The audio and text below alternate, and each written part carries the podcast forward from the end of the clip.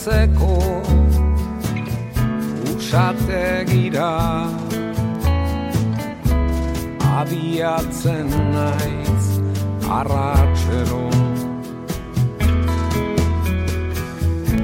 zurezko etxeak aurrak tantzan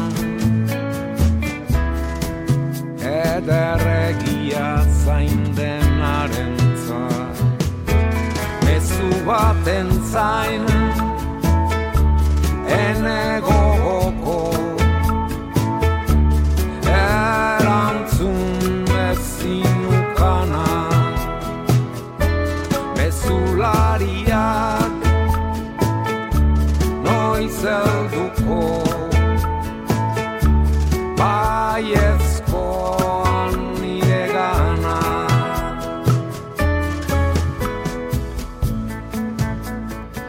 ¿Qué tal estamos? Bienvenidos a la Casa de la Palabra. Vamos a escuchar historias sobre mujeres únicas que han hecho de la aventura su pasión de vida. Así empezaremos con Silvia Vidal. Silvia Vidal que escala grandes paredes remotas en solitario, en absoluta autosuficiencia, lejos de todos y de todo. En 2021 recibió una mención especial en los premios internacionales Violés de Oro. A Silvia Vidal le gusta escalar en solitario, sin ningún tipo de comunicación tecnológica, en paredes comprometidas, lejanas y recónditas. En plena soledad trepó en 2020 durante 32 días la pared Serranía Avalancha en la Patagonia chilena, una tapia de roca de 1.300 metros en donde ha sido acechada por una persistente lluvia que le obligó a resistir durante la mitad de los días encerrada en la hamaca. Ahí estaba incomunicada, sin parte meteorológico y en plena soledad así que ha vivido una aventura en estado puro que le llevó a coronar con éxito la cumbre. Estaremos con Silvia Vidal y luego vamos a recordar a una mujer, a una gran aventurera de otros tiempos, como es Annemarie Swanserbach. Y estaremos con Susana Martín, que es la coautora de un cómic sobre Annemarie, lleva el título así, de Annemarie y Annemarie Sesselbach, que durante el periodo de entreguerras, en la década de 1930, vivió la efervescencia de París y Berlín. Condujo en coche hasta el Oriente Próximo, errando por Turquía, Siria, Palestina, Irak y Persia. Estuvo en Estados Unidos, también en Portugal y en las selvas del Congo. Frecuentó los círculos intelectuales de la época, conociendo importantes escritores, y fue una mujer muy rompedora. Encarnó la rebeldía sexual. Era lesbiana y era, y era consciente también de la explotación obrera y también pues tenía su parte, su gran parte feminista. Le escucharemos a Susana Martín hablando de su cómic, de este cómic Annemarie. Y estaremos también al final del programa con José Manuel Salgado, que nos va a llevar por la Ribeira Sacra en Galicia. Él es un periodista gallego que ha hecho una guía, una guía sobre Pantón, el mejor mirador paisajístico de la Ribeira Sacra. Ahí se encuentra la Ribeira Sacra entre ambos lados de las provincias de Lugo y Orense, en donde confluyen los ríos Sil y Miño.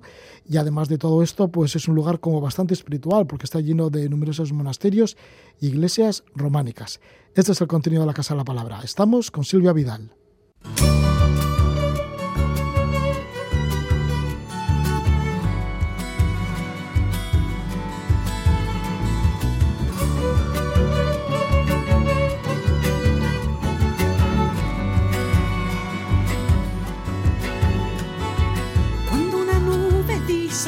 Silencio guardas adentro de tu corazón. ¿Será que el cielo es como un refugio de lo que en tierra por imposible no maduró? Uh, uh,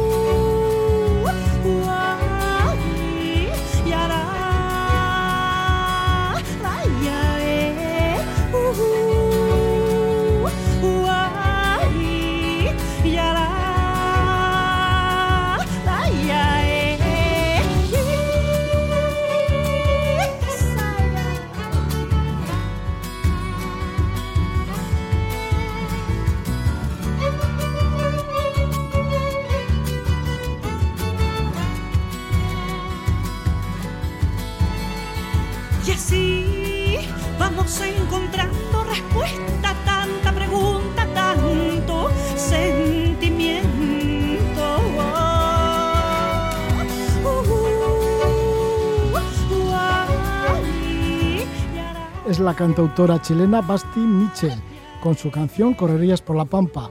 Baste Mitchell, que pertenece a una familia de cantautoras en Concepción, en Chile. Y es que nos vamos hacia Chile, hacia la Patagonia, y lo hacemos con la gran escaladora Silvia Vidal. Silvia Vidal, que continúa en su tónica de escalar, especializándose en ascender a paredes en lugares extremos y perdidos del planeta. Solo hacerlo en solitario, de manera autónoma, realizando las tareas de porteo y aprovisionamiento, todo ello por su cuenta y sin conexión con el exterior, o sea, sin radio, sin teléfono, ni GPS. Silvia Vidal nació en Barcelona, empezó a escalar en el año 1994, al año siguiente estuvo en Yosemite, luego en Mali, en Pakistán ha estado varias veces, en el norte de India también, en la isla de Baffin en Canadá, en los Andes de Perú en el año 2012 fue hasta la Patagonia chilena para abrir una nueva vía en las paredes de Serranía Balancha. En aquel entonces estuvo 32 días colgada en la pared. Le hicimos una entrevista en este programa, en Levando Anclas. Y entre febrero y marzo de 2020 fue de nuevo para la Patagonia y ahora el objetivo era escalar la pared del Cerro Chileno Grande, donde estuvo colgada 33 días y abrió la vía que ha denominado Sincronía Mágica.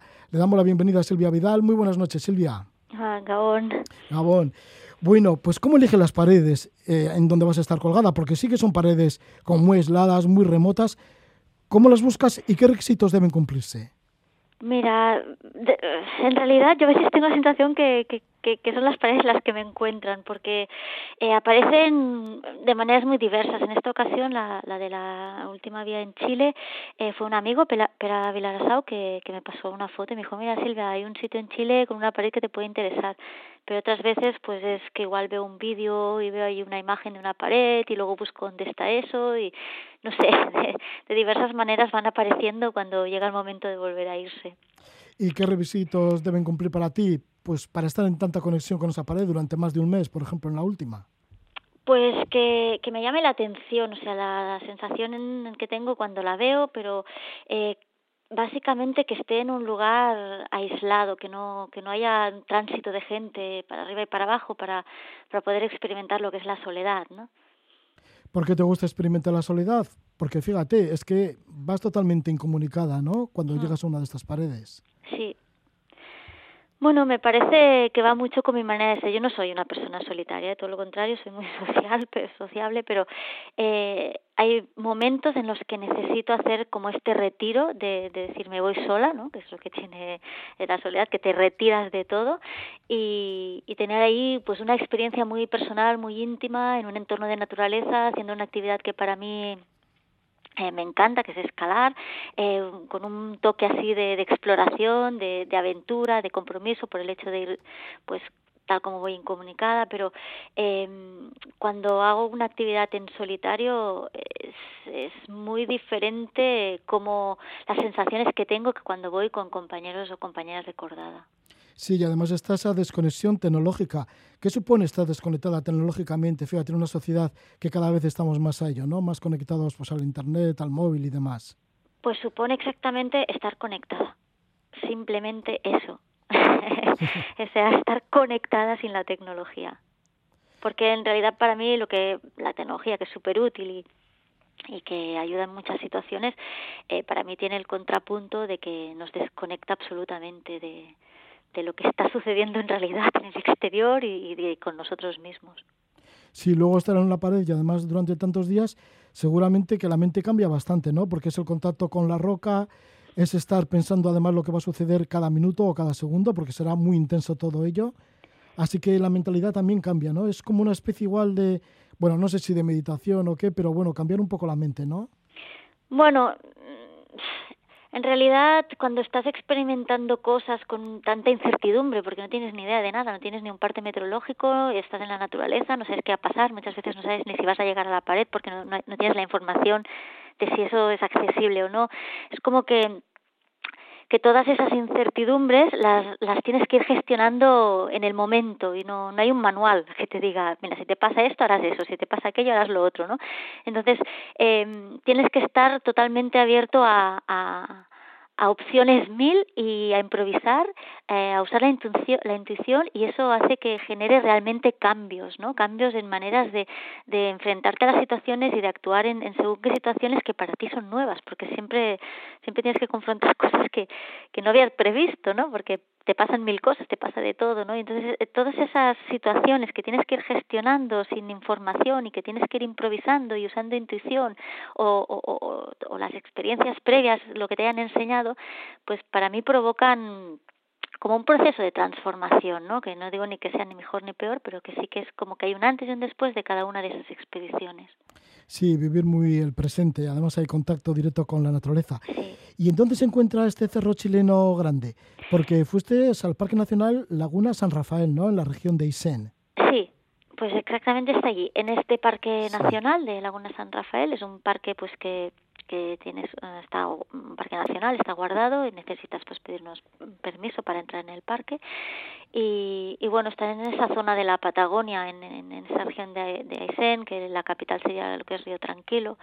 Y, y, no sé qué más contarte porque luego ya una vez dentro del parque ya pues te tienes que meter por por el valle no del del, del Chilo no Sí, te metiste en el valle, pero claro, como siempre también estás acostumbrada a llevar tus propios porteos hasta la pared. ¿Cómo lo hiciste en esta ocasión? Porque tenías un montón de kilos, claro, para aguantar tanto, tanto tiempo ahí en la pared. Sí, llevaba mm, eh, seis bultos de 25 kilos cada uno, son 150 kilos, y entre ir y volver, pues eran unos 150 kilómetros que había que cargar todo ese equipo y fueron unos 16 días. Eh, lo que allí me encontré con gente de, de la zona que, que en tres ocasiones me ayudaron una parte del porteo, o sea, en, en de esos 16 días, tres días me, me ayudaron hasta, no todo el trayecto, pero sí hasta una buena parte de, de la aproximación y son gente pues que les tengo que agradecer muchísimo su, su ayuda voluntaria, ¿no? Que, que me veían ahí entrando y saliendo del parque porque empezaba desde la carretera a andar y se ofrecieron a ayudarme y yo agradecida. Sí, y esto tienes que tener mucha paciencia y bueno, mucha vitalidad y mucha, eh, no sé, mucha concienciación de lo que estás haciendo. Digo, porque es tan largo ya solo el llevar el porteo hasta el campo base de la pared. Sí, hay que, la verdad es que hay que ir como día a día, como no ir proyectando, porque si ya empiezas como a ver cuándo se acaba esto, como que mejor no vayas, ¿no? Y, como tampoco tienes muy claro qué, qué te va a deparar cada día, porque no sabes si vas a llegar, no vas a llegar, qué va a pasar, si va a llover, si no va a llover, eh, pues es, es, sí es como esa paciencia o no sé cómo llamarle no porque es como muy inmediata no es, es, estar muy presente en el momento y no no proyectar mucho más allá de lo que está sucediendo en ese momento porque si no hay un montón de cosas que te pueden provocar mucha angustia mucha incertidumbre. Sí, en el 2017, Silvia, te hicimos una entrevista y nos comentabas, bueno, cómo fue la operación de también de subir una gran pared en la zona de Alaska, ¿no? En Deacon Mountains, al norte de Alaska. Y ahí te encontraste con algún oso y así, al final tuviste que hablar con el oso para que para hacerle entender o para que se entendierais un poquito y no, y no sucediera nada, ¿no? En esta ocasión, ¿qué has estado con los cóndores? Digo, porque Sí. estamos hablando de Chile. Sí, sí, la verdad que sí. Eh, un espectáculo aéreo. O sea, es que había días que había allí como 10, 12 cóndores, bueno, una locura. Eh, sí, sí, todo un baile acrobático y se acercaban muchísimo. Cuando estuve en la cumbre, que en realidad no llegué a la cumbre principal, yo pensaba que sí, pero luego a cabo de, de unas semanas me enteré de que no, que era una- la cumbre más occidental, pero que no era la cumbre principal. Pero cuando llegué allí, eh, pues había dos cóndores parados y nada, los tenía allí a, a, pocos metros y estuve un ratito así corto en la cumbre porque se hacía de noche y estuvieron ahí todo el rato quietos y cuando me fui pues arrancaron a volar, ¿no? Y fue como un momento muy muy mágico. Sí, y llegaste a hablar con los cóndores, digo, ¿eh? Porque, bueno, igual Sí, sí, ni eso, ¿no? Porque para que no se muevan demasiado. No, no, ellos hacen lo que quieren, pero Mm. eh, sí, yo hablo con los animales, hablo con la roca, hablo con el material, hablo con, con todo. Ya, me acuerdo aquella ocasión, ¿no? Que cómo convenciste al, al oso, ¿no? Para que de alguna manera hubiera paz entre vosotros y así. Sí, bueno, mm, después de probar de hacer todas las cosas que los manuales te dicen que hagas, de hacer ver que eres más grande de lo que eres, de gritar con voz muy grave, de, de hacer ruido, y el oso ni caso, empezó a, cogerme mochilas, me rompió un bidón de agua, pues al final lo que hice fue acercarme, levantar las manos y decirle vengo en son de paz y te pido permiso para entrar en, en tu territorio y en ese momento fue cuando se fue. Sí, sí, que te entendió perfectamente y además le hablabas en catalán. Claro. Sí, sí, eso es. Bueno, el caso es que en esta ocasión, ¿cómo es estar en el campo base, encontrarte con una pared tan vertical? Porque una pared muy, muy larga además, ¿no? Sí. Sí, fue toda una sorpresa porque mm, yo pensaba que la pared tendría unos 800 metros, más o menos por lo que me habían contado gente que había estado en la zona, porque la pared era virgen, no se había, mm, no se había escalado esa pared. Y, mm, y justo el día que llegué en la carretera me encontré un equipo de, no sé si eran cuatro o cinco escaladores franceses que coincidimos una hora, que venían justo de intentar escalar el chileno y habían abandonado por mal tiempo y por otros motivos y, y me pasaron la información de, de que, de que pared era como mínimo de 1500 metros porque llevaban un dron y no sé cómo lo calculan eso, pero que estaban así como, como muy sorprendidos de lo grande que era. Entonces fue como, uff, qué locura. Eh, no llevo infraestructura para una pared de tan tal envergadura, pero bueno, al final mmm, la parte que escalé tiene 1200 metros, que es mucho más de lo previsto, y pero bueno, eh, se dio, fue posible así, poco a poco, con paciencia, racionando y, y para arriba. ¿Cómo es el lugar? ¿Cuál es la belleza del lugar? Una vez que estabas ahí en el campo base y mirabas todo, te, te, bueno, ¿te estremecía igual la belleza de, de, estar allí en la Patagonia chilena? Sí, la Patagonia tiene un encanto muy especial para mí. Los sitios que he estado en Patagonia me parecen muy increíbles. Y, esa zona es que tiene unos contrastes muy, muy sorprendentes porque durante la aproximación pasas horas de glaciar, luego pasas a unos bosques que parecen tropicales, luego vuelves a entrar en glaciar. Es como, luego antes de llegar a, a la pared hay así como un gran lago, como que hay todo un cambio de, de, de paisaje en, poco tramo ¿no? de recorrido y una vez ya en el campo base ya estás, sí que estás en morrena de glaciar y, y bueno, estar en zona de glaciar siempre tiene un componente así como más incómodo, ¿no? Entre el, el, frío y los ruidos del glaciar cuando va quebrándose y todo, como, como que da un ambiente más de montaña, ¿no? Que en otras zonas que, que no lo tengan, pero el lugar es muy bonito. Y una vez ya que empiezas a subir la pared, porque en la pared te encontraste con mucha vegetación. ¿Cómo ibas sorteando toda esa vegetación? Bueno, sí, la pared tiene como 330 metros más o menos de muy muy verticales, ¿eh? totalmente verticales de de de plantas, pero plantas que no las arrancas, que es imposible.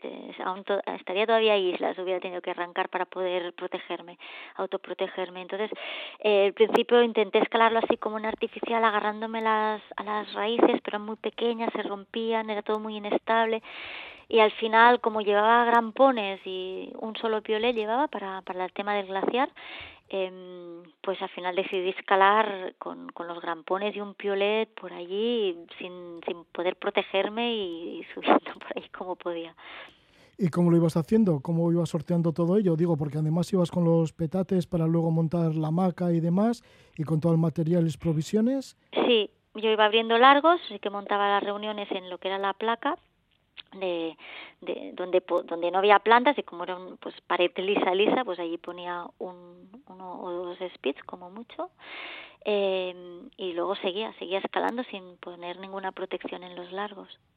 Ya eso es. Y cómo montas la hamaca cuando hay un temporal de, de lluvia y viento sobre todo viento que te tirará todo lo que muevas sí Sí, pues uno de los temporales que me pilló justo cambiando el campo, que significa que la hamaca no la tengo montada, sino que la he desmontado para subir el campo más arriba de la pared, pues em, como son horas y horas de hacer todas esas maniobras, empezó a llover y a hacer viento y y cuando tuve que montar la hamaca en el campamento que tocaba, en el nuevo campamento, no, es que no podía, no podía, el viento, es que, es que era imposible. Entonces tuve la gran suerte que justo había una repisa y entre la repisa y tumbándome encima de la hamaca y como pude, bueno, un montón de horas, ¿eh? pero muchas horas para montar una hamaca. Y, y ya congelada de frío, sin esa repisa no, ni, no, no lo había podido montar si dices en uno de los escritos que he leído tuyos que sacaste el toldo y que con el viento pues se convirtió en una especie de globo y quería volar. Sí, el toldo y la hamaca misma, porque la hamaca al final es un trozo de tela así en horizontal con los con las barrotes en los laterales y eso pues a la, a la que la pude montar que me costó también un montón, se me levantaba, luego no no no, no daba el abasto con dos manos para cogerlo todo y, y la fuerza, ¿no? Es como que, que, que me agarraba y me tiraba para arriba. Sí, de manera que no sabes si lloraste o eran las gotas o el viento, pero no, bueno. No, que... lloré, ya, ya, te lo digo yo que ¿Sí? lloré. Sí, sí. Sí, sí, y, y ahí piensas, ¿qué hago yo aquí o no? O, o, sabes que eso tiene que pasar? Mm, en ese momento es monta la hamaca, porque es muy grave no montar la hamaca en una situación así, o sea, si, te voy a pasar la noche con ese diluvio, es que hipotermia mínimo. Eh, y era, no sé, es que en ese momento solo es montala, montala, montala, hazlo como sea, pero montala. Y, y bueno, la pude montar, me costó un montón, ¿eh? Un montón, pero que había momentos que era como, no puedo más, o sea, esto no lo monto ni de coña. Y, y luego sí, luego ya sí que te da por pensar si esto, si lo otro, ¿no? Pero en ese momento eh, era como, muévete, muévete, muévete. Sí, y una vez que en esa situación, en ese temporal, consigues montar la hamaca y estar ya dentro de ella, bueno, ¿será todo como una relajación o no? ¿Cómo? Bueno, cuando estás, eh, la has montado, el temporal sigue, entonces te pasas toda la noche dando botes dentro de la hamaca y, y sacando agua, porque va entrando agua, aunque sea un toldo de calidad y aunque sea un toldo que cubre por todos lados, pero es que al final con ese viento y ese diluvio acaba entrando agua por las costuras, por, por las cremalleras, por todos lados, ¿no? Entonces, pues es como que esa noche, las noches de temporal así, no, dormir no duermes. Llega un momento que, mm, bueno, no sé si será plácido, pero que después de estar tantos días en, en la pared, que estuviste 33 días, es como ya tu casa y que puedes igual a la noche disfrutar de todo lo que estás, sí. de, de, todo, de todo ese sufrimiento y todo lo que has conseguido. Sí, no, no, hay, la mayoría de momentos no son de sufrimiento, lo que pasa que son los que me preguntan, pero es como que si fueran de sufrimiento todos los momentos durante, porque no son solo 33 días, sino todos los deporteos de campo base, etcétera, etcétera, son casi dos meses, ¿no? Si fueran dos meses de tanto sufrimiento cada día, te aseguro que no vuelvo. Sí, bueno, y una vez en la cumbre, ¿qué es lo que sucede? Bueno, que ahí te esperaron los dos cóndores o que estaban parados allí enfrente tuyo, Sí. pero ¿cómo resultó la cumbre? Bueno, la cumbre fue un momento muy muy rápido porque mm, justo mm, no, no sabía cuándo terminaba la pared porque tampoco sabía los metros que tenía, pero sí que ya iba viendo a medida que iba avanzando los largos de que la pared parecía que iba a tumbar en algún momento y a ponerse más fácil. Y sí que llegó un momento que terminé lo que es la parte vertical y ya venían como unos un montón de metros así como de escalada en libre fácil, como de quinto grado o así y, y pensé bueno um, sí tira para arriba tira para arriba pero pero tuve que ir sin cuerdas y rápido porque se me hacía de noche. Y entonces cuando llegué al final de lo que era la, lo escalable como si dijéramos todavía quedaba como media hora yendo muy rápido hasta esa cumbre occidental que no era la cumbre principal. Eh, eh, pero que en ese momento yo pensaba que sí. Y, fue como, bueno, lo intento, lo intento, y fue una locura de ir escalando así sin cuerda y escalando y luego andando súper rápido por la cresta. Y como que estuve diez minutos en la cumbre y me volví a bajar porque tenía que destrepar todo, todo lo que había hecho a pelo, ¿no? Así sin cuerda y, y se, se me hacía de noche. Y era como un estrés, fue un estrés la cumbre. fue un momento muy bonito, pero fue muy estresante de pensar, uff, mm, uff, Sí, bueno, pero llegaste y luego tuviste que bajar y también para bajar te tiraste varios días. Claro, bajé ese, ese día de cumbre, bajé hasta la hamaca, que ya llegué como a las dos de la madrugada ya de noche, pero como mínimo el tramo de destrepar lo que había escalado sin cuerdas lo pude hacer con luz, que era lo que lo que me daba miedo que, que se me hiciera de noche, porque luego ya da igual rapelando que sea de noche, ¿no? Si tienes cuerdas y todo. Eh, y luego pues sí tardé aún, no me acuerdo si fueron dos o tres días más. Bueno, y por fin llegaste y ya la habían las llamado sincronía mágica. Sí, ¿Por qué la has denominado así? Pues porque viví momentos muy bonitos, muy mágicos, muy increíbles, de, de cosas personales y de coincidencias y, y decidí ponerle este nombre.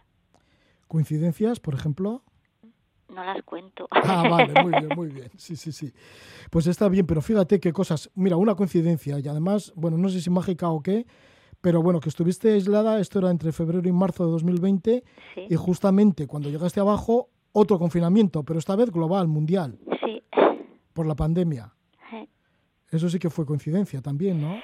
sí, sí, Pero. ¿estabas preparada para ello? Después de estar aislada en una pared durante tres, de- tres días, encontrarte que el mundo de alguna manera había cambiado. Eh, yo creo que nadie estaba preparado para el mundo cambiado, eh, pero preparada para estar confinada, así que, así que, o sea, sí que puedo estar confinada, ¿no? Pero una cosa es que sea voluntaria y la otra, que te la impongan, ¿no? Entonces yo creo que esa es la gran diferencia, aunque bueno, al final yo siempre pienso que, que hay muchas cosas que pensamos que escogemos y tampoco las estamos escogiendo, ¿no? Y, y no sé, fue como, como decir, bueno, llevo dos meses sola, dos meses sin, sin comunicarme con nadie y ahora que como que tengo ganas de ver gente y ganas de comunicarme, como que no va a ser posible, ¿no? Y, y bueno, se ha hecho como más largo, pero pero bueno, esto, esto lo hemos experimentado todos. Eso es. Pues muchísimas gracias por estar con nosotros, Silvia Vidal. Silvia Vidal, que nos has comentado esa experiencia de estar 33 días colgada en la pared del Cerro Chileno Grande. Al final conseguiste tu objetivo y además, pues como siempre, por tu cuenta, sin conexión con el exterior, eso, sin teléfono, ni GPS, ni radio. Muchísimas gracias por estar una vez más con nosotros, Silvia Vidal, y que vaya todo muy bien. A vosotros, que casco.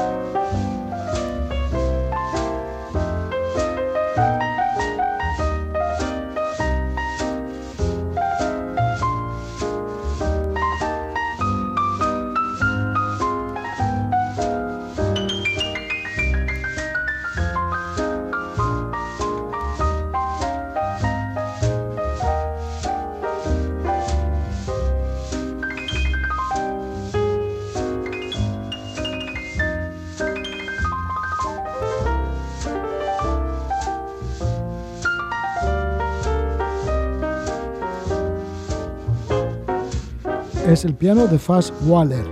Nos situamos en la década de los años de 1930 cuando se escuchaba esta música, y es que vamos a hablar de Anna-Marie Schweitzer-Bach. Ella fue una mujer rompedora que en los años de esa década de 1930 encarnó la rebeldía sexual, era lesbiana, en la parte política era consciente de la explotación obrera, también del racismo, era feminista. Ana Marie fue fotógrafa, escritora, viajera, periodista, arqueóloga, Nació en Zurich en el año 1908, en el seno de una familia adinerada y conservadora con tendencias nazis.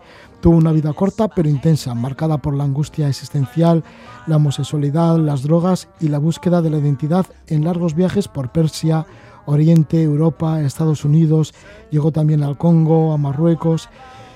Ella fue autora de varios libros y bueno, escribió cantidad de artículos. Entre los libros pues podíamos nombrar, entre los libros de viajes, todos los caminos están abiertos. Un relato de viaje que lo realizó con ella Maillard, otra gran viajera del siglo XX que también era compatriota de ella, suiza. En recuerdo de Anne-Marie se edita una novela ilustrada con el título de Anna-Marie.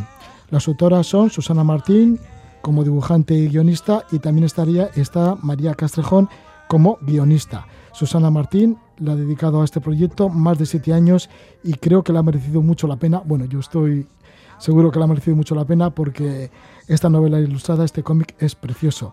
Además ha metido mucho en este personaje, el de Ana Marie Schweitzer-Bach. Le damos la bienvenida a Susana Martín. ¿Qué tal estás? Buenas noches. Hola, buenas noches.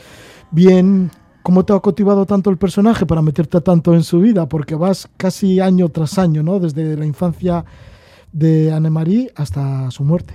Mm, sí, pues Jo, pues es que tenía, teníamos tanta información porque han sido muchísimos, muchísimos años de, documentación. O sea, fueron siete años de, realización del cómic, pero yo a Anne-Marie la conocí en el 2001. Entonces, desde ese día, o sea, que la conocí, no he dejado de leer y de investigar, ¿no? Y como que antes de yo saber que me iba a dedicar a los cómics, yo tenía muy claro que, bueno, que yo quería hacer algo con, ella, ¿no? Como para reivindicar su figura. Sí, una figura que ya hemos dicho que era una rebelde, que era una mujer rompedora por su época. Sí. Bueno, que era rebelde desde niña, ¿verdad? Sí, bueno, a ver, pues, pues qué, qué remedio, porque vivía en una familia muy, muy estricta, eh, la madre, eh, bueno, no sé si no sé si decirlo, pero era como que la, como que la castró mucho, ¿no? La, la eh, vivían eh, ¿cómo, lo diría? Eh, era hija de la madre de un general del ejército suizo y como que tenía el rollo este prusiano de ejército de, ¿no? levantarse todos los días y, marchar, desfilar al desayuno. y bueno, digamos que sí que vivió con bastante eh, encorsetamiento, ¿no? Y, y, yo creo que necesitaba Anne-Marie, o sea, esa, esas huidas que, que, que, hacía, yo creo que era un poco el huir de, de esa... De esa desenjaulamiento, ¿no? De esa opresión materna, aunque luego volvía. O sea, era una situación, una relación bastante tóxica la que tenían ella y su madre. Sí, tenía esa estricta educación, pero ella tenía su voz propia, tenía mm. mucha personalidad. Sí, sí, sí, y se la intentó callar muchas veces. Hay una escena en el, en el cómic que la madre le da, está tocando el piano al Mari y le da con toda la tapa del piano para que deje de tocar, ¿no? Porque estaba tocando libremente, estaba haciendo una improvisación y como que se enfadó y le dijo, no, tú toca Chopin o Schubert o lo que estuviera tocando en ese momento, ¿no? Sí, ella igual tiraba más al jazz, ¿no? Bueno, luego ya veremos mm. que vivió su vida bohemia en París cuando estaba estudiando y haciendo el doctorado de historia mm -hmm. allí en, en, París. Y bueno, se relacionó mucho también con la gente bohemia, artistas que llegaban de, de diferentes partes de, de Europa, como los exiliados uh -huh. rusos y demás. Sí, pues ella pues se escapaba, eh, no sé si iba a clases, imagino que sí, pero vamos, que ella está muy en Montparnasse y como que estaba bastante en los cabarets y pues toda la bohemia ¿no? de la época. En cuanto a la documentación, además de tener esas fotografías de esas filmaciones, pues también has estado en Suiza. Uh -huh. Has conocido los lugares de niña de, de Anne-Marie. Sí, pues eso, María y yo hicimos el viaje y nada, estuvimos haciendo un poco el recorrido de la casa donde nació, donde vivió en Boken, ¿no? La, la casa familiar que todavía existe. Luego también estuvimos en las fábrica, la fábrica textil que todavía lleva un sobrino nieto, que de, de hecho nos abrió las puertas y, y pudimos ojear los álbumes familiares, ¿no? Sí, así pues hablando un poquito de esa niñez y de todos esos álbumes familiares que tenía, pues sí, nos situamos en el año 1928 en París. Y ahí es cuando está estudiando historia, hace el doctorado en la Sorbona y tiene esa vida nocturna, ¿no? Con artistas bohemios, exiliados rusos. Y también está muy metida en la actualidad, ¿no? Con intelectuales suizos, alemanes, austriacos. Sí, eh, en esa época la tendencia era el comunismo y, y, bueno, pues eso, como que de repente se relaciona pues con, con, con lo peor, ¿no? Según su familia, pues con comunistas, con judíos, eh, etcétera. Y, y, bueno, pues eso pues todavía le, le, revienta más a la madre. Y llegamos al año 1930, porque bueno, la obra es la biografía de Ana Marie mmm, cronológica. Y en 1930 conoce a la familia de Thomas Mann uh -huh. y a su hijo Klaus. Uh -huh. Sí, fue importantísimo porque, bueno, pues fue como su chupipandi, digamos, ¿no? Fue su cuadrilla, de repente, iban a todas partes y Klaus, además, fue, eh, fue quien, quien la, metió, la inició en la, en la morfina, ¿no? En el consumo de morfina y, y otros opiáceos. En el año 1961 viaja ya como arqueóloga y en el año 1932 en Berlín es cuando se mete todavía más en el mundo de las drogas. Sí, pues ahí ya, bueno, ahí ya yo creo que hay, un antes y un después, ¿no? O sea, es como un punto... Eh, de hecho, le dedicamos una doble página porque es muy importante, ¿no? En, eh, cuando ahí ya se, se, mete su primer chute de, de, morfina. Y digamos que es una de la, uno de los viajes, digamos, es un libro de viajes, este cómic, no solo geográfico, sino también de, de droga, ¿no? y fue, o sea, era la manera que tenía Anne-Marie también de, de, huir de esa tristeza y opresión y, y, también amargura, ¿no? Hacia su madre, hacia su condición, su, o sea, como que le removían muchísimas cosas a ella, ¿no? Estaba como muy incómoda. Sí, en esos viajes geográficos, bueno, pues eso, recorre Europa y en el año 1964 ya para por Turquía, Anatolia, ya se mete más en el mundo de Oriente, uh -huh, Oriente sí. Medio. Uh -huh, claro, ahí pues flipa por bueno, todo el, el, orientalismo ¿no? de la época que estaba tan de moda eh, y ahí eh, flipa mucho con, con, con, toda esa cultura, con, bueno, todas esas culturas, perdón, eh, y también con, con, lo de viajar, lo de estar lejos de su familia y ahí empezar a escribir crónicas, ¿no? Para, de viaje. Sí, que en total debió escribir como 3.000 o 4.000 crónicas, sí, cantidad, mogollón, mogollón. aparte de los libros de viajes que tiene. Sí. Y es en ese año de 1964 cuando llega a Bagdad o llega también a Teherán. Uh -huh. Sí. Y también hace sus reflexiones, ¿no?, sobre el conflicto judío-palestino. Sí, eh, va, no voy a poder decir memoria porque es una, un, un párrafo muy largo, pero sí que es muy interesante porque ella ya ya ve pues que no, no va a tener mm, solución a corto plazo no va a tener solución ese conflicto, ¿no? Porque ya en esa época ya se veía bastante el pifostio que había montado. Susana, de Palestina también sabes porque tienes un cómic sobre Gaza, sobre las mujeres en Gaza. Sí, sí, sí, coincidimos, sí, hemos coincidido bastante, eh, yo, en la vida. Sí. Bueno, y luego es que se casa con un diplomático, un diplomático francés que era gay. Sí, eh, es un matrimonio totalmente mm, arreglado, ¿no? Porque les convenía a los dos. Eh, pues por, el tema de habladurías, en plan, vale, pues estamos casados y bueno, en esa época la homosexualidad no, no estaba ni bien vista, ni reconocida, ni nada. Y también para Anne-Marie significó tener un pasaporte diplomático francés y así ya se quitaba eh, esa, esa mm, eh, identidad suiza, ¿no? Eh, identidad, ¿no? Em, ¿Cómo se dice? Em, o sea, como que ya no tenía la... No me sale la palabra. eh, identidad suiza. Nacionalidad. jo. La nacionalidad Oh, suiza. oh, oh. Sí, sí, sí, sí. Vale, ya no tenía esa na- la nacionalidad suiza y ya no era una persona sospechosa de ser pro-nazi, ¿no? Y ya podía moverse por las colonias francesas de esa época. Sí, y así en el año 1936 llega a Estados Unidos y se da cuenta del racismo que hay en Estados Unidos. Sí, sí, eh, ahí viajó con una novia que tuvo, Bárbara Hamilton Bright, eh, de los relojes Hamilton, y, y además era fotógrafa. Em, eso no lo hemos comentado, pero la, eh, su, su pasión a la fotografía fue también gracias a, a varias amigas que, que- que tuvo, ¿no? Está Bárbara, pero también eh, Marianne Breslauer, que la conoció en Berlín, que eso se nos ha olvidado antes, es también como muy... O sea, también como fue, fue un catacrack, ¿no? Para ella la fotografía. Y, y ahí ella se da cuenta de, visitan las fábricas textiles de su familia, que también tienen en Estados Unidos, ahí se da cuenta de la situación de esclavismo que, que no solo obrera, sino también de los el apartheid de, de los de la población negra, ¿no? De, de allá de Estados Unidos. Va conociendo el mundo de primera mano y por sí misma. Ujú. De estar educada de manera estricta en plan prusiano y pronazi, pues a conocer un mundo que es real, ¿no? La explotación obrera, Ujú. luego el racismo en Estados Unidos. En el año 1939 continúan los viajes y va con una gran viajera, también suiza, como es Alan Maillard.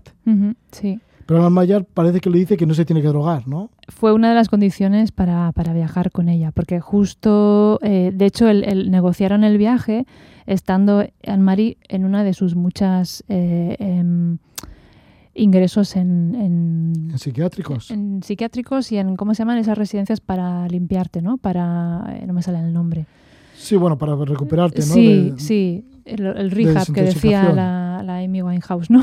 Sí, sí, desintoxicación, sí, sí, Sí. Bueno, y tantos que han estado por allá. Y eso, entonces la condición es, vale, va- nos vamos juntas de viaje, eh, eh, pero la condición es que no te vas a drogar. Y se van por la ruta de la seda, llegan también a Irán y a otros muchos sitios, Ujú. siempre tirando para, para Oriente, en este caso. Y luego ya en el 1940 llega a Nueva York.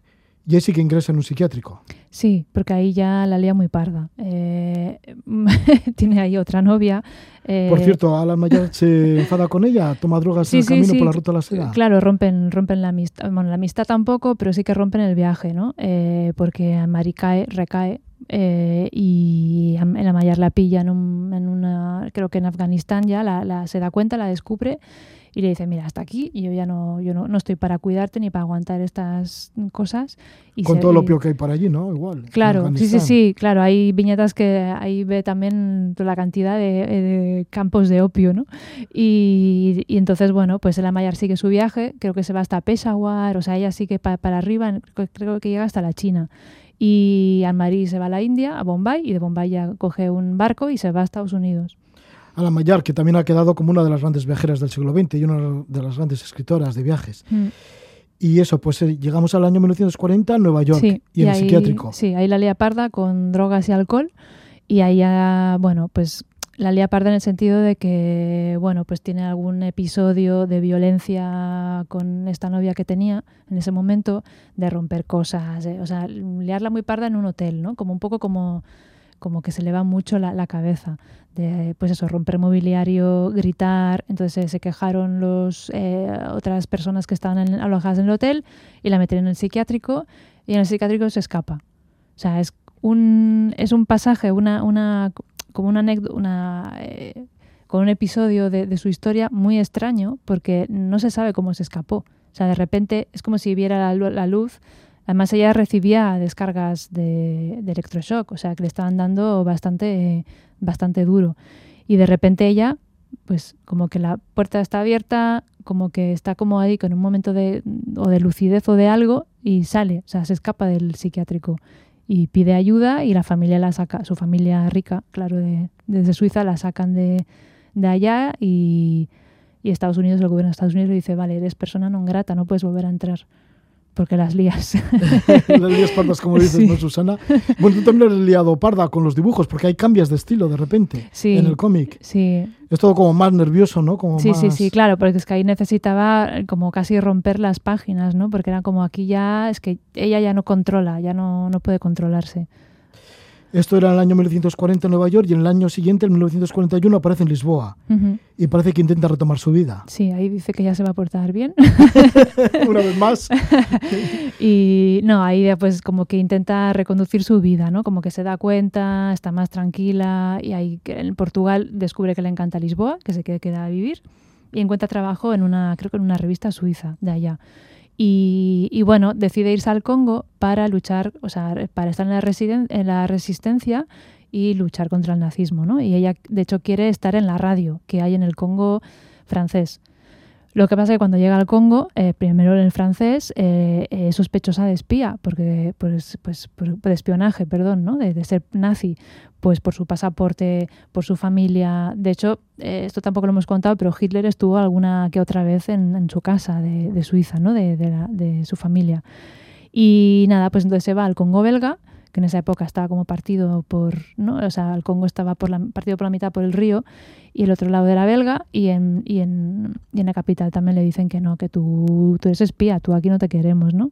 Y decide, bueno, pues como tampoco puedo salir porque no, no sé, era muy complicado, pues nada, pues me cojo un, un vapor de estos que remontan el río Congo y me meto pa, selva para adentro. Y así estuvo un año limpia. limpia y bueno, metida ahí en la selva en el Congo, sí, ¿no? Sí. Hasta que murió al año siguiente, en 1942. Tan solo uh -huh. tenía 34 años. Uh -huh. Sí, y además murió de la forma más, más tonta, ¿no? Eh, de, bueno, ella regresa a, a Portugal, entonces ahí ella eh, decide, pues eso, pues eh, lo que os contaba, ¿no? Lo de trabajar en un periódico, una revista y así, y nada, entonces va a su casa de, de Sils, en Suiza, eh, y allí ya está la guerra, está bastante ya heavy, ¿no? Es el año 42 y hay restricciones de, todo eso ya no lo hemos ya no lo pusimos en la es, es un extra que hago. No lo pusimos en el cómic. Y nada restricciones de gasolina y estaba ella con nada pues iba en un carromato con una amiga entonces se encuentra con otra que va en bici y dice Ay, préstame tu bici entonces se pone a hacer el tonto con la bici y se cae y se da con una piedra. Y ahí es que entra en coma ¿Y qué pasa? Que como su cuerpo ya estaba bastante machacado por todo lo que se había metido, cuando le empiezan a dar también el, la medicación, electroshocks y de todo para, para intentar eh, reavivarla, eh, es peor. Entonces ya le, entra como, eh, o sea, ya entra en coma pro, como profundo, ¿no? O sea, que ya queda vegetal y hasta que algún mes, creo que es un mes o dos meses después, ahora no recuerdo, muere. Pues fíjate qué muerte, ¿no? Vaya accidente más tonto en bicicleta. Sí, sí. Después de todas las vivencias y toda la vida intensa que llevaba, ¿no? Recorriendo pues todo el continente sí, asiático sí, ¿te casi. imaginas que le muere, no sé, en, en, avioneta o no? Algo así más, más romántico, ¿no? Más, pero no. Sí, sí, muere. o yo qué sé, en un campo de opio en Afganistán o, sí. o en las selvas del Congo. Sí. O yo qué sé, cuando estaba ahí revolucionaria también en Estados Unidos, en, luchando contra el racismo. Sin mm. embargo, pues, pues termina así su vida, esa vida de 30, con 34 años, una vida intensa la vida de Annemarie Swanserbach. Annemarie Swanserbach, que está recogida su biografía en este cómic que lleva el título de así, de Annemarie, y las autoras son María Castrejón, que es co-guionista, y Susana Martín, que está acompañándonos, uh -huh. que también ha hecho el guion y, y, también, por supuesto, las pinturas, ¿no? los, los dibujos. Susana Martín, que naciste en Barcelona en el año 1976, que eres autora e ilustradora de diferentes cómics, por ejemplo, el que hemos hablado de las mujeres en Gaza, otro también tiene sobre los slam en Bombay, y ahora, bueno, pues este en el que recoges esta vida tan interesante de esta reportera y viajera como fue Anne-Marie. Muchísimas gracias por visitarnos, Susana Martín. A ti, a vosotros. Y suerte con este libro que lo edita Norma Editorial. Sí, muchas gracias.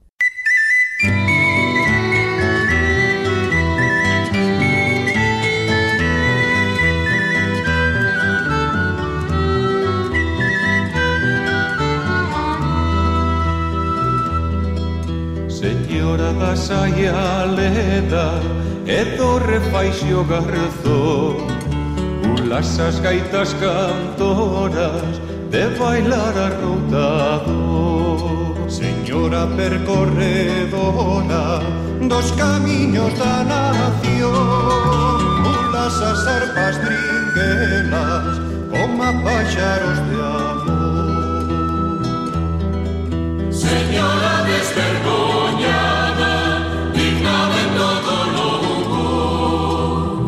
reis e cabaleiros que andaban ao teu redor. María Valteira, señora do sol Unos van os tempos da arenas de amor. María Valteira, señora do sol. Es el tema María Valteira, lo hace el grupo gallego Aquenya en su disco Na Boca Uña Cantiga. Y es que nos vamos a Galicia, Galicia tan bella, pues uno de los sitios bellos y espiritual como es Pantón.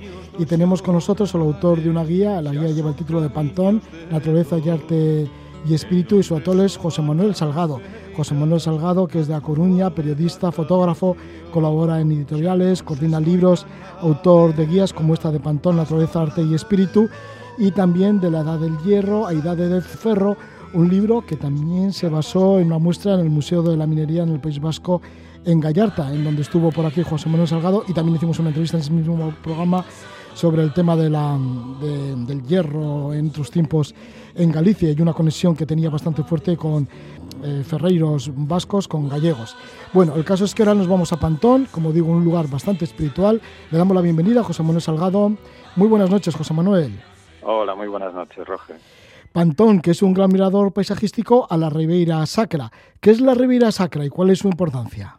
Bueno, pues la Ribeira Sacra es un, un espacio geográfico que, digamos, eh, se enclava entre las provincias de Lugo y Ourense y, en la, y, y se sitúa en la unión de los dos grandes ríos gallegos, el Sil y el Miño, que allí forman cada uno de ellos dos cañones muy abruptos. Y bueno, en ese espacio tan particular, cañones que tienen a veces 400, 500 metros de caída vertical, pues en la Edad Media eh, pues surgieron un montón, un gran número de, pequeños monasterios, porque era un lugar enormemente apartado en aquel tiempo, y monasterios que fueron los, los que originaron ese nombre de Ribeira Sacra, o sea, Ribera Sagrada, ¿no? Es un lugar donde todavía hoy se conservan restos de, de un buen número de cenobios, y donde se mezcla el- lo espiritual con lo, con lo paisajístico. Es un lugar espectacular, ¿no? Es un lugar muy, muy especial dentro de, de Galicia, ¿no? Son grandes cañones en donde se iban a esconder allí los ermitaños y en donde han estado enclavados monasterios, iglesias, iglesias románicas.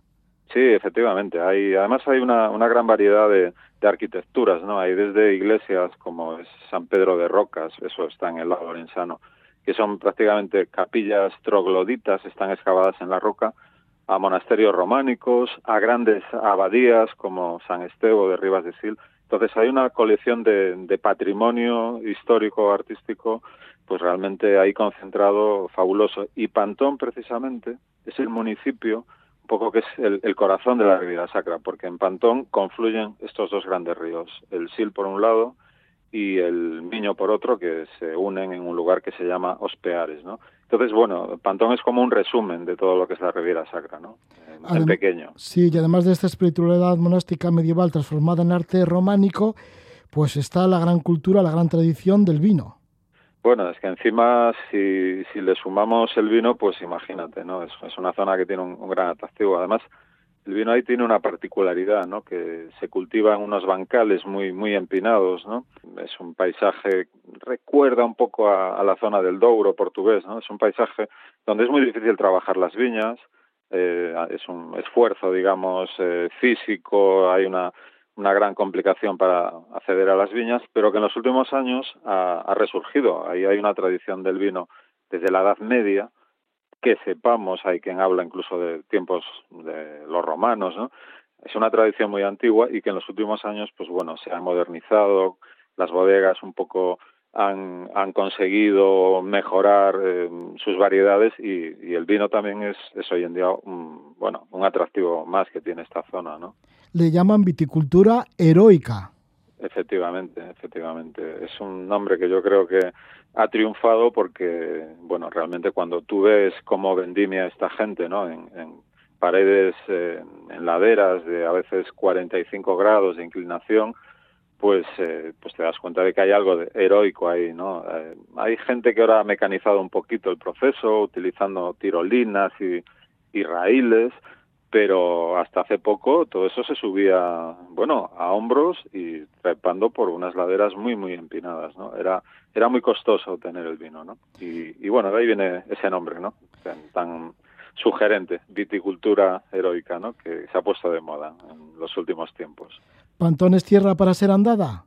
Sí, hay, hay una serie de rutas de, de senderismo. En, sí, porque está el camino de invierno, ¿no? El camino el de invierno, camino, que es una de las rutas de peregrinación jacobea. Efectivamente, el camino de invierno, que es una, una ruta de peregrinación que fue, digamos, rescatada por historiadores, ¿no? Era una ruta alternativa al camino francés en invierno porque evitaba los pasos del febreiro, ¿no? Que a veces eran impracticables, ¿no? Pues el camino de invierno, en una pequeña parte, pasa por este, por este municipio de Pantón.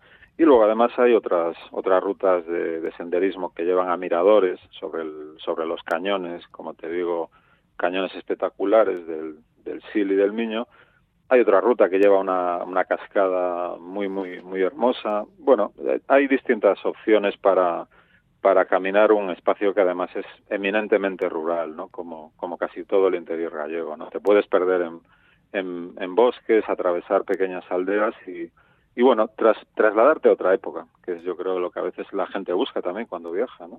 Sí, que dices ¿no? eso, desconectar. Si dices en un apartado de tu libro, de esta guía Pantón, Naturaleza, Arte y Espíritu, de que vas a otro tiempo, ¿no? Que vives a otro ritmo distinto sí, una vez sí, que te acercas allá a Pantón y a la Ribeira Sacra. Efectivamente. Sí. Bueno, pues ahí estamos con, con, el autor de esta guía, José Manuel Salgado. José Manuel Salgado, que también eres miembro de la Asociación de Periodistas y Estudiosos del Camino de Santiago. Pues, sí, efectivamente. Sí, pues muchísimas gracias por habernos acercado a la Ribeira Sacra y en concreto a Pantón, el gran mirador paisajístico de este lugar en Galicia, que reúne paisaje, la cultura del vino de gran tradición y sobre todo la espiritualidad monástica medieval que se transforma en este arte románico que se encuentra en iglesias y monasterios. Que vaya todo muy bien por Galicia. José María Muchas Salgado. gracias, lo mismo, lo mismo os deseo. Gracias. Un saludo. Un saludo.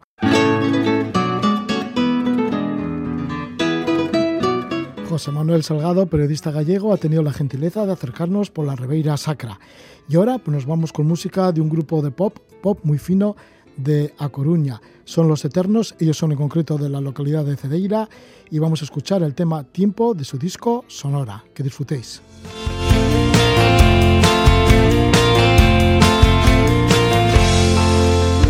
Hay gente como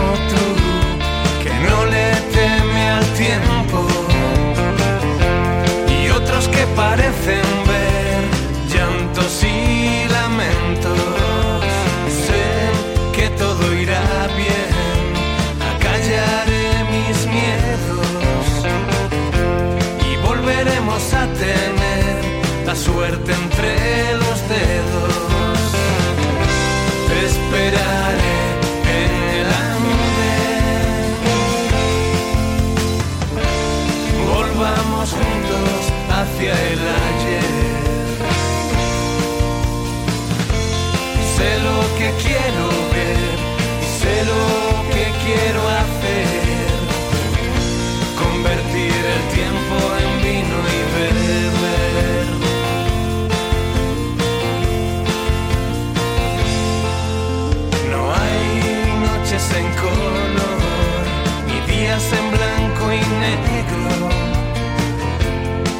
Luces tapan el dolor, maldiciendo al tiempo.